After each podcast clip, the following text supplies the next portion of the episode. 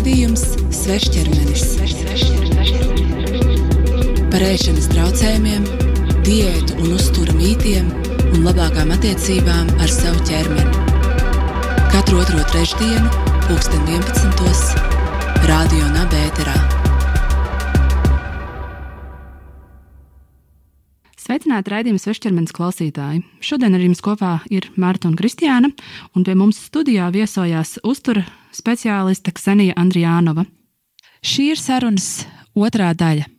Ja es saprotu pareizi, kā ir jā, jābūt, būtu jāstrādā keto diētai, tas ir tā, ka neuzņem ne ogļhidrātus, ne, ne nu jā, ogļhidrātus un cukuru.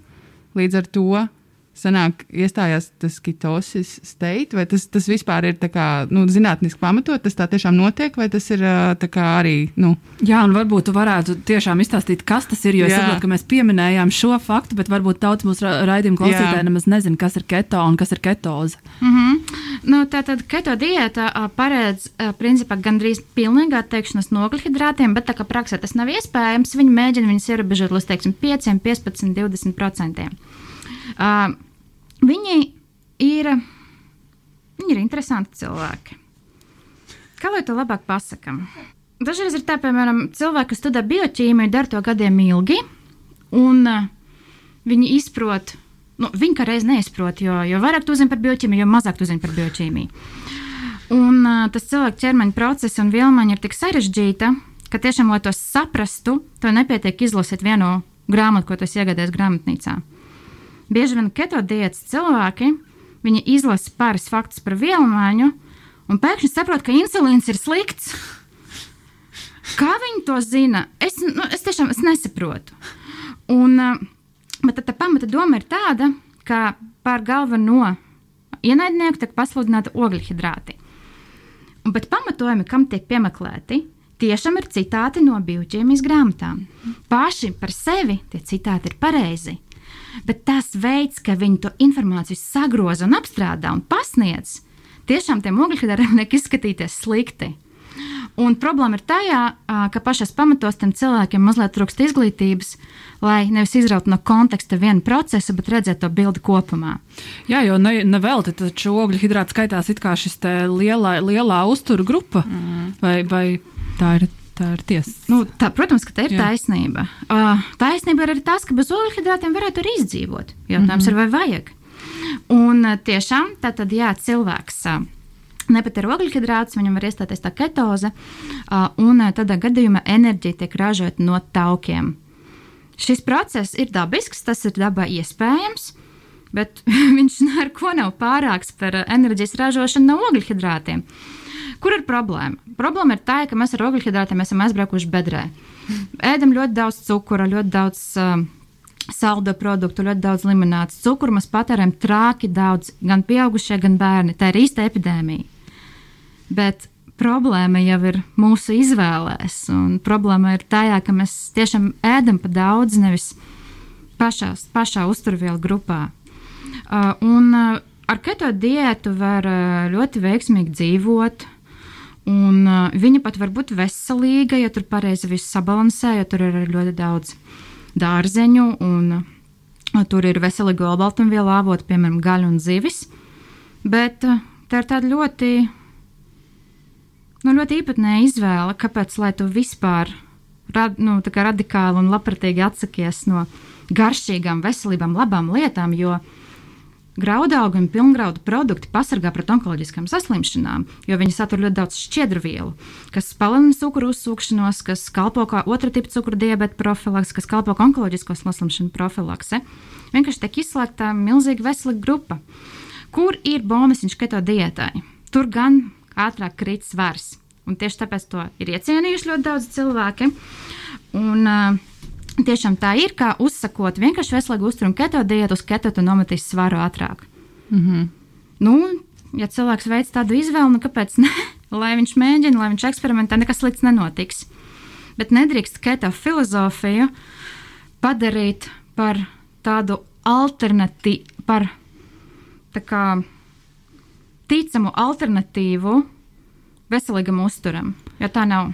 Saki, lūdzu, varbūt arī mēs kaut kur esam nošāvuši greizi ar to vārdu izvēli, jo ir tas veselīgs uzturs, kas mums šķietami liek domāt, ka tas ir kaut kāds konkrēts veids, kā mums vajadzētu ēst, un tikai šādi un, un, un vienādi, bet varbūt ka ir kaut kāds cits veids, kā mēs varam nosaukt šo funkcionālo uh, uzturu, nu, vai, vai, vai tavā praksē tu esi saskārusies ar to vārda nozīmi? Patiesībā jēdziens veselīgs būt ļoti toksisks. Mm. Un veselīga uztura komunas, kas pat neiebrauc galējībās, viņi arī mēs būt ļoti toksiski. Es esmu bijusi, protams, daudzās.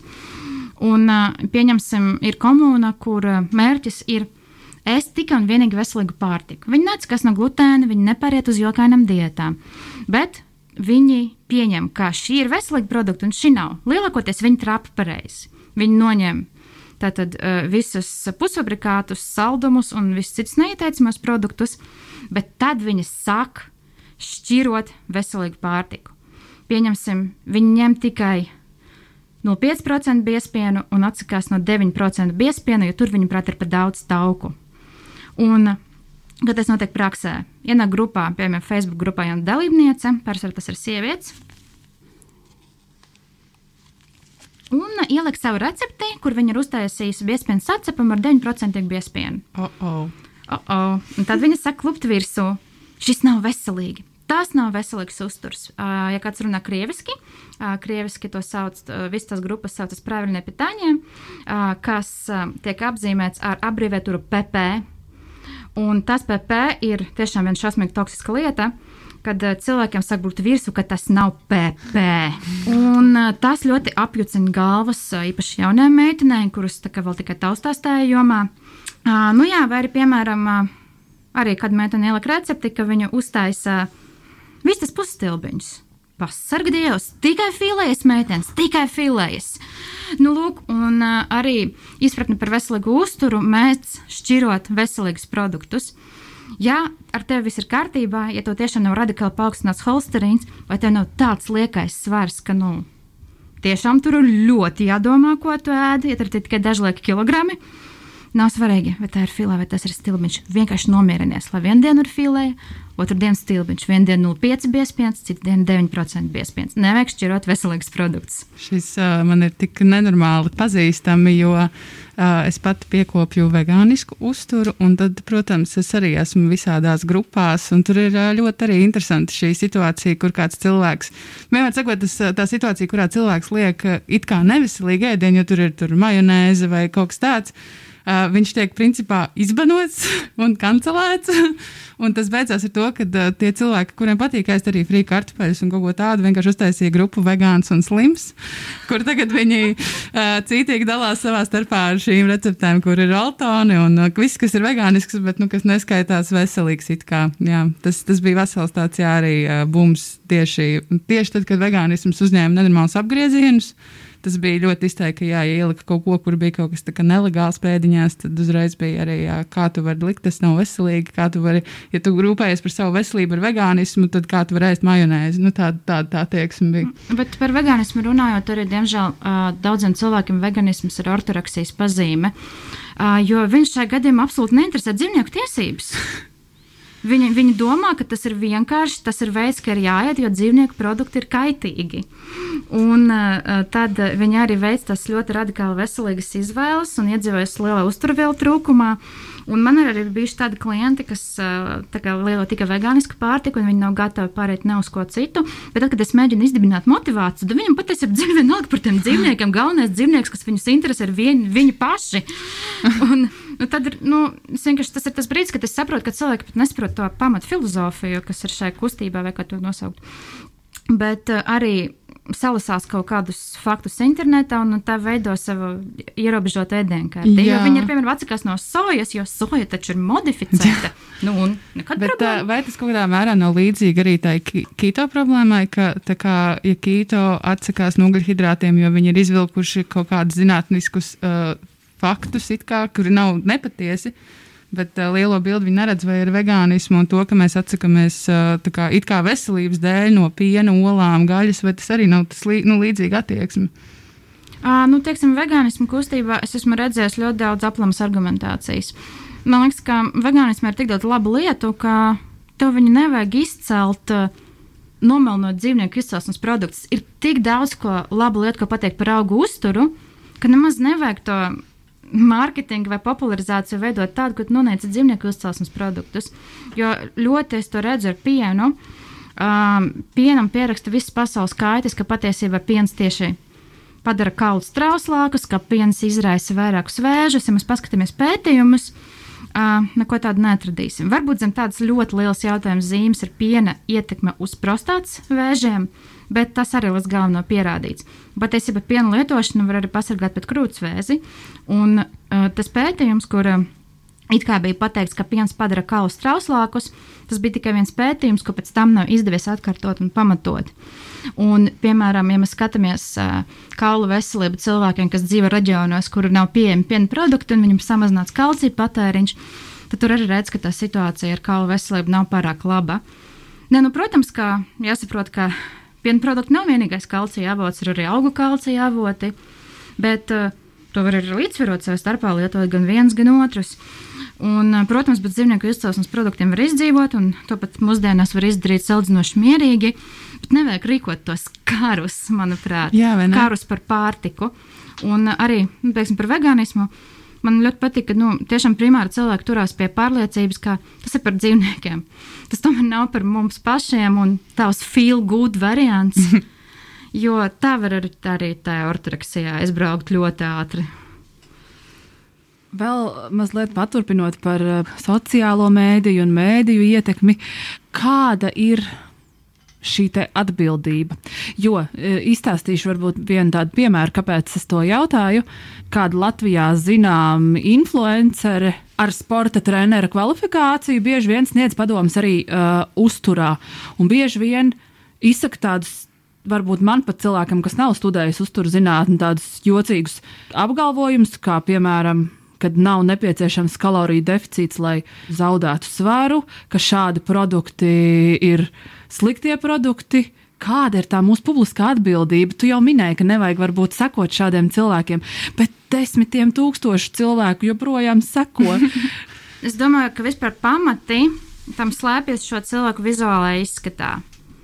Uh, jo cilvēki seko tam, un tas ir dabiski, ka mums patīk viss, kas ir smūgs, un mēs zemapziņā gribam ieskatīties tieši tāpat. Un tajā brīdī nav svarīgi, cik tam influencerim ir uh, diploma, kāda viņam ir izglītība. Ja tu redzi viņu un viņš tev patīk, un tu gribi izskatīties kā viņš, tad ticēsi viņa padomiem. Uh, jo cilvēku, kas nav apmierināts ar sevi, ir ļoti viegli kontrolēt šādā veidā. Un, uh, šeit ir tas jautājums, vispār, kur ir tava liekas svara robeža. Jo daudziem, īpaši sievietēm, viņam liekas, ka viņam ir liekais svars, kad liekas svara nav. Un viņam liekas, ka viņam ir milzīgs liekais svars, kad viņam tikai daži lieki kilogrami. Un tā kopēja mūsu kultūra ir tāda, ka meitenēm visu laiku ir jātievē. Ka tu nekad nesi apmierināta ar sevi. Man ir bijušas ļoti slaidas meitenes, kas atnāk pie manis un saka, es tev nevaru palīdzēt, un viņa vienkārši norēja sev krekliņu, sēžot. Paņem vedera kroku un paskaties, redzi, redzi, man tur tā krociņa ir. Un man ir jāskaidro pieaugušai sievietei, ka viņa daba ir paredzējusi iznesāt bērnu, un viņa vajag aizsargslāni, lai tas notiktu. Uh, un tas ir, tas ir tas variants, ka tiešām tevi ir ļoti, ar tevi ir viegli manipulēt, nesapmierināt ar sevi. Mums ir vispirms ir jāsaprot, kur ir tā liekas vara robeža. Ļoti daudz, kad Tu neesi resna, tev nav liekas svara. Tu vienkārši esi saskatījusies uz kaut kādu modeli un gribi būt līdzīga viņai, bet viņa paša ir zemes svars. Viņa ir eh, samazināts ķermeņa masas indeks, viņa nav veselīga. Varbūt varētu pakomentēt, jo bieži vien tu vari atrast šādus kalkulatorus, kas tev it kā palīdz aprēķināt to ķermeņa masas indeksu, ko tu minēji. Cik precīzi tas ir un vai to tomēr vajag darīt kopā ar speciālistu? Diezko precīzi tas nav, bet uh, tas ir uh, diezgan labs rīks, ar ko sākt. Jo Tā jau vajadzētu taisīt bioimpedances procedūru. Tie ir tādi svari, kas laiž elektrisko strāvu pa ķermeni un nosaka procentuāli, cik tev ir muskuļu māsa, cik tev ir tauki un cik tur ir šķidrums organismā. Bet ķermeņa masas indeks ir labs radītājs. Un arī uh, izējot, es esmu arī pasniegusi lekcijas jaunām meitenēm, kad mēs kopā reiķinājām ķermeņa masas indeksu, un tad tiešām daudziem bija atklāsme, ka viņas tomēr nav resnas, paskatīt. To var noteikti pamēģināt, paskatīties. Nu jā, vēl viena lieta par, teiksim, par to influenceru atbildību. Uh, tur ir tā, ka tīri formāli nekādu atbildību viņi nenes. Uh, jo teiksim, Latvijā pēc likumdošanas atbildību var nest speciālists, kas ir ārstniecības persona. Piemēram, ja es kaut ko savā praksē izdaru greizi, pret mani var vērsties veselības inspekcijā un es atbildu par to. Ja kaut ko greizi izdara influenceris, uh, viņš nav ārstniecības persona, tu vari sūdzēties pat tāds, kuriem es teikšu godīgi, viņam ir diezgan vienalga, ir mēģināts vairāk kārt un atbildes pēc būtības vispār nav sniegtas. Ja teiksim, notikusi kaut kāda nopietna kaitniecība, ir jāvēršas policijā, bet tad arī tev tiesā būs jāpierāda, ka šie cilvēki padomi ir veicinājuši kaitniecību. Kas arī ir ļoti grūti, jo ir milzīgas tiesas prāvas ar dažiem dažādiem uzturā bagātinātājiem, kur tāpat tam tiesam, tiesas prāvām nevar pielikt viennozīmīgu punktu. Un ko tad tā viena privāta persona vispār var izdarīt un kā viņi to pierādīs bez labiem juristiem? Nu, tas ir ļoti sarežģīts jautājums. Un tieši tāpēc es iesaku vērsties pie cilvēkiem, kas tiešām nes atbildību par to, ko viņi dara. Jo citādi tev, tev neviens nepalīdzēs. Es tā vienkārši domāju, runājot par nu, tādiem tiešām ēšanas traucējumiem, kas ir piemēram anoreksija, vai bulimija, vai kompulsīvā pārēšanās, vai kaut kas tāds. Ja pie tevis atnāk cilvēks, kuram ir tiešām anoreksija, vai tu kā uzturu speciālists to vispār vari risināt, vai, vai, tev tā, nu, vai tev ir jāstrādā komandā teiksim, ar kādu psihologu, vai kā, kā, kā šādas problēmas var risināt pie speciālistiem vispār? Uh, ja mēs runājam par ēšanas traucējumiem, tad tā noteikti ir komanda. Uh, tas ir psihoterapeits, vai psihiatrs, vai psihologs. Uh, drīzāk es liktu uz psihoterapiju pēc, teiksim, pēc savas pieredzes. Un tikai tad uh, cilvēks nāk pie uzturu speciālista, kad viņam jau ir atrisinātas tas. Uh, emocionālas, psihiskās lietas, un tad viņš kopā ar uzturu speciālistu mācās ēst no jauna. Un uh, vispār ne tikai runāt par ēšanas traucējumiem, bet vispār tā izpratne par pārtiku, viņa ir cieši saistīta ar cilvēku mentālo stāvokli. Nu, gluži kā bērnībā vecāki ieliek bērnā kaut kādus pamatus, vai ir veselīgi vai neveselīgi, un kas no tā izaug, kā cilvēks reaģē pēc tam, ka viņš veido attiecības ar pretējo dzimumu, ka viņš veido attiecības ar saviem bērniem. Arī tā izpratne par pārtiku tiek veidota šādā veidā ne tikai par ēšanas traucējumiem, ja vispār ir problēmas ar pārtiku, pat ja viņas nā, nekvalificēs vēl kā ēšanas traucējumi. Tāpat ir ļoti labi aiziet pie psihoterapeita un vienkārši saprast mehānismus, kā tas ir izveidojies un no kurienes tev ir tādas pārliecības. Jo bieži vien tā piesliešanās diētām, kaut kādiem jauniem trendiem, mārketingam, Uh, tā ir vienkārši tāda personības struktūra, kas to dara, jo viņam tas kaut kāda iemesla dēļ patīk. Un psihoterapeits var palīdzēt vispār tev atritināt, kas tev tāds ir, ka tu visu laiku iekriti uz kaut kādiem tiem mārketinga piedāvājumiem un jauniem trendiem. Tā kā nevienmēr, jā, uzturu speciālists, protams, ir lieliska profesija, bet šur tur arī vajag psihoterapijas palīdzību. Jā, kā man kāda psihoterapeita teica, ka mēs neviens neesam līdz galam veseli. Tāpēc psihoterapija varbūt noderēs daudzos gadījumos. Uh, bet jā, es uh, varbūt gribēju mazliet paturpināt par tiem pamatiem. Viens ir tas, ko mēs ģimenē, piemēram, kādas tradīcijas un kādus uh, mehānismus, nu, kā mēs uh, veidojam šīs attiecības pārtiku. Bet otrs uh, ir varbūt skolu sistēma un vai izglītībā mums ir pietiekami liela kompetence un šobrīd vai tas tiek adresēts. Es uzskatu, ka noteikti nē, neatminos to arī no samskolas laikiem, un esmu dzirdējusi, ka tas būtu tagad. Uh, vispār uh, ir tiešām grūti navigēt, kad tu teici starp visam tam teorijām, padomiem. Līdz ar to varbūt mums jāmāca ne tikai par veselīgu uzturu, bet arī kritiskā domāšana. Jo tu nevari likt cilvēkam ieklāt katru faktu, dieta, laba, dieta, slikta. Ir jādod paņēmieni, ka tu savā prātā analizē to visu un nonāc pats pie secinājuma, vai tas tev ir vajadzīgs vai nav. Un tā ir kritiskā domāšana. Un šis, man liekas, ir tas, par ko būtu nu, nu, diezgan steidzami jāizdomājās. Lai bērniem no, nu, kā, protams, viņam atbilstošā līmenī jau no, nu, faktiski man liekas, ka no sākuma skolas nu, varētu palīdzēt viņam izvērtēt informāciju, gan politisko informāciju, gan informāciju par veselību, gan par pārtiku, nu, principā jebko vispārēja informācija jau parasti arī ir. Kā, ēdam augļus, tas ir labi, un ēdam šokolādi, tāpēc, ka tas ir slikti. Un tas savukārt tev noņem to iespēju analizēt, kas tieši tajos produktos tur notiek. Kāpēc ir viens vai otrs, un vai tiešām? Bieži vien cilvēkam ir pārsteigums par to, ka patiesībā produkts ir nu, tāda ķimisko, tā, ķimisko elementu tabula. Bet mums liekas, ka ābola ir veselīga, tur zivs ir veselīga, bet uz jautājumu, kāpēc atbildēt ir grūti. Un uh, tik līdz tu sāc skatīt to produktu kā uzturvielu kopumu, kur ir šīs tās tāda vitamīna, tādā daudzumā, un šis un tas un tas un tas, tu saproti, ka viss mums apkārt ir tāda viena liela ķīmija. Un ķīmija nebūtu nenozīmē šajā gadījumā kaut ko sliktu. Tas ir vienkārši dabiski, jo produkts sastāv no ķīmiskajiem elementiem. Un tas, starp citu, ļoti labi atbild uz jautājumu, piemēram, kāpēc vegānisms var būt pilnvērtīgs. Jo tu saskaldi produktus līdz pamatvielām, Un no tām pamatvielām tu vari sev kombinēt perfektas kombinācijas. Kāds tev patīk? Varbūt gan izmantot gan uzturabagātinātājus, gan neizmantojot. Jo veselīgi nav produkti paši par sevi. Veselīgs ir uzturvielas, kas tajā atrodas un to proporcijas. Un, teiksim, nu jā, un katru viņas kombinē pēc tam savā starpā. Bet, lai ieraudzītu to lielu bildi, nu, tur Tur laikam vajag, jā, tur vajag izpratni, tur vajag izglītību un arī medicīnas pamatus apgūt, lai to redzētu mazliet plašāk. Nu, jā, bet kas ir jāsaprot, nu, ir jāvirzās prom no tāda absolūtisma, kā valdīt malku par veselīgu pārtiku. Protams, ir produkti, kurus tu vari atcelt mierīgi un atcelt savām grēka dienām. Grēks arī slikts jēdziens, man nepatīk. Man Jā, man šķiet arī mazliet var pakomentēt par tām grēcīgiem maltītēm, kas liekas varbūt arī ir tāds tā arī, man liekas, kaut kāda daļa no stigmatizēšana.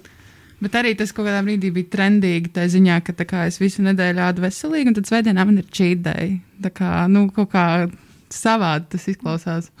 Tas ir savādi, bet uh, vispār daudziem tā pieeja strādā. Mm. Ka viņam patīk. Viņi ļoti labi turās, zinot, ka viņi atalgos sevi ar pārtiku. Cik labi ir atalgot sevi ar pārtiku, atkal pie psihoterapeita varētu aiziet.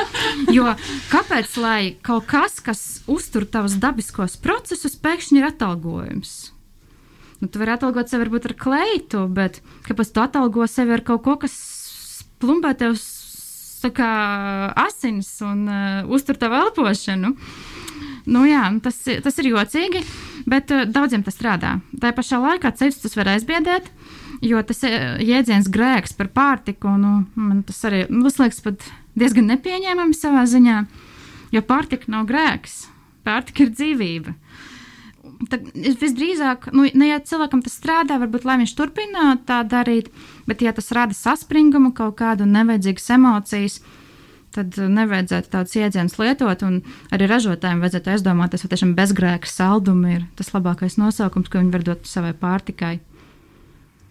Es kaut kad, man liekas, redzēju uz tramvaja reklāmu, kur bija drausmīgi. Es nezinu, kā to latviešu nosaukt, angļuiski tas ir guilt trip reklāma bija par saldējumu, par apmēram, nu, kad vi, nu, es vairs neatceros, bet nu, fakts, ka mārketingā tiek izmantots kā, uh, mēģinājums uh, cilvēku, kā, uh, kā ir gilti Izraisīt vainas sajūtu. Jā, izraisīt jā. Tā kā, vainas sajūtu.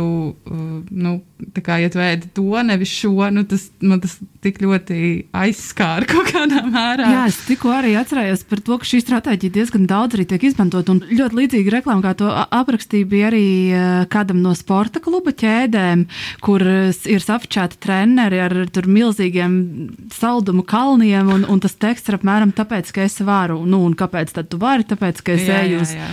tāpēc, ka es eju uz šo sporta klubu sportot. Bet, jā, diemžēl sporta kultūra arī mazliet šausmīgi, drausmīgi toksiska. Īpaši lielos sporta klubos, kur tu jūti, ka tevi gandrīz vai izvērtē kā gaļas gabalu. Un nav brīnums, ka cilvēki ar lieko svaru kautrējas iet uz klubiem. Es, es teiksim tā, nu, es vienmēr cenšos izvēlēties kaut kādus gandrīz vai pagrīdes klubiņus, kur iet omes un prasti cilvēki. Un es atnāku un es tiešām jūtos, ka esmu nonākusi savā komunā, kur nu meitenes devāja, mēs visu varam, mēs visi esam foršās. Nevis uh, vietā, kur. Uh, Lielākā daļa izskatās glauni, velk zīmola drēbes, apspīlēts legingus, kurus tu vēl desmit gadus neuzvilksi, jo tu kautrējies. Nu, jā, tā kā arī ir jāizvēlas, teiksim, ja mēs runājam par sportošanu, ļoti jāizvēlas, kur tu ej un ar ko tu strādā lai sportošana neradītu papildu traumu, bet tiešām tev palīdzētu nu, justies labi. Jā, man tas, man, man tas liekas ļoti svarīgi, jo tiešām cilvēki kautrējas iet uz sporta klubiem. Un tas ir saprotami. Īpaši, nu, teiksim, tajos lielajos sporta klubos, kur ir milzīgas telpas, ļoti daudz cilvēku, lielāka daļa no kuriem ir skaistāki un kā, slaidāki par tevi, kur skan skaļa mūzika. Vispār ir ļoti intensīva tā viss. viss gan, teiksim, gan sviedru smaka, gan mūzika, gan notiekošais, un tas tev krīt virsū tā kā daudz sensori impulsi, un nav brīnums, ka cilvēki aizbēg. Bet par laimi var atrast tos mazākus tādus uh, vienkāršākus sporta klubiņus, kur cilvēki tiešām ar prieku dara un motivē viens otru un nevis izlieks labāk par citiem. Es domāju, ka mēs varētu virzīt sarunu uz noslēgumu un varbūt dot Ksenijai pēdējo vārdu un arī pastāstīt, kur mēs tevi varam meklēt vēlreiz.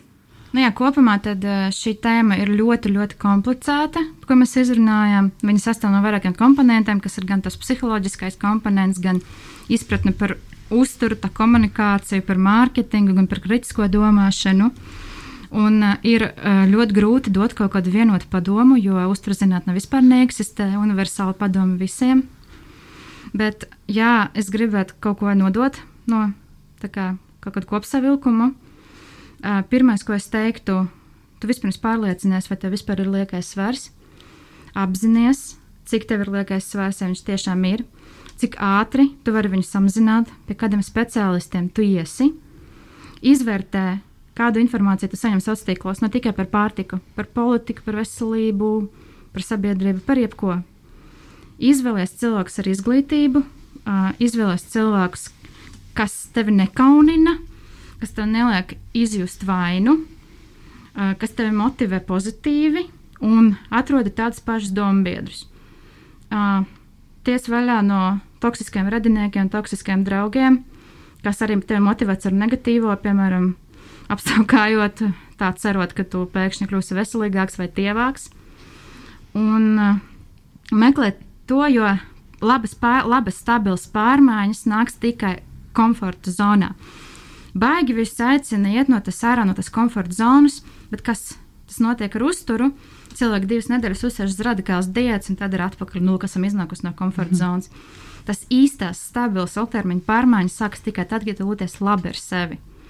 Un, nu, mēģini lēnām. No sākuma varbūt vienkārši atsakies nu, no alkohola vai no kūkām un tad lēnām skaties, kas notiek tālāk, kā tu jūties, kā tu guli, kāds ir tas enerģijas līmenis. Nevar būt tā, ka ļoti populāri ir jauna dzīve no pirmdienas, nekad nebūs jauna dzīve no pirmdienas. Tev paies 50 pirmdienas, tad tu vienkārši attapsies, ka kaut kas ir mainījies. Jo tas procesa līkne, nav uz augšu vai uz leju, viņa ir ļoti plūstoša. Un lielākoties ir tā, ka tiešām tu ievies tas pārmaiņas, tu neko nejūti, nejūti, nejūti. Vienu dienu tu pamodies un saproti, bāc, man taču ir tik daudz labāk. Tā kā jā, mierīgi, bez paranojas, mazāk klausoties citus un vairāk klausoties sevi. Milzīgs paldies, tev, Ksenija. Man liekas, ka šis ir iespējams lieliskākais padoms līdz šim. un es ceru, ka tas nu, aizķers kaut vai kaut kāda daļa no visa šī, ko mēs izrunājām, aizķersies kaut kur kādam no mūsu klausītājiem un palīdzēs. Jo tas ir tas, kāpēc mēs šo raidījumu arī vispār veidojam. Jā, paldies tev. Un uh, gribēju arī mūsu klausītājiem uh, atgādināt, ka Ksenijas uh, pārdomas un Ksenijas rakstus var lasīt blogā Ksenija komentē. Paldies! Ar jums kopā bija uh, raidījums Svešķermenis, uh, Marta un Kristiāna. Tiekamies nākamreiz!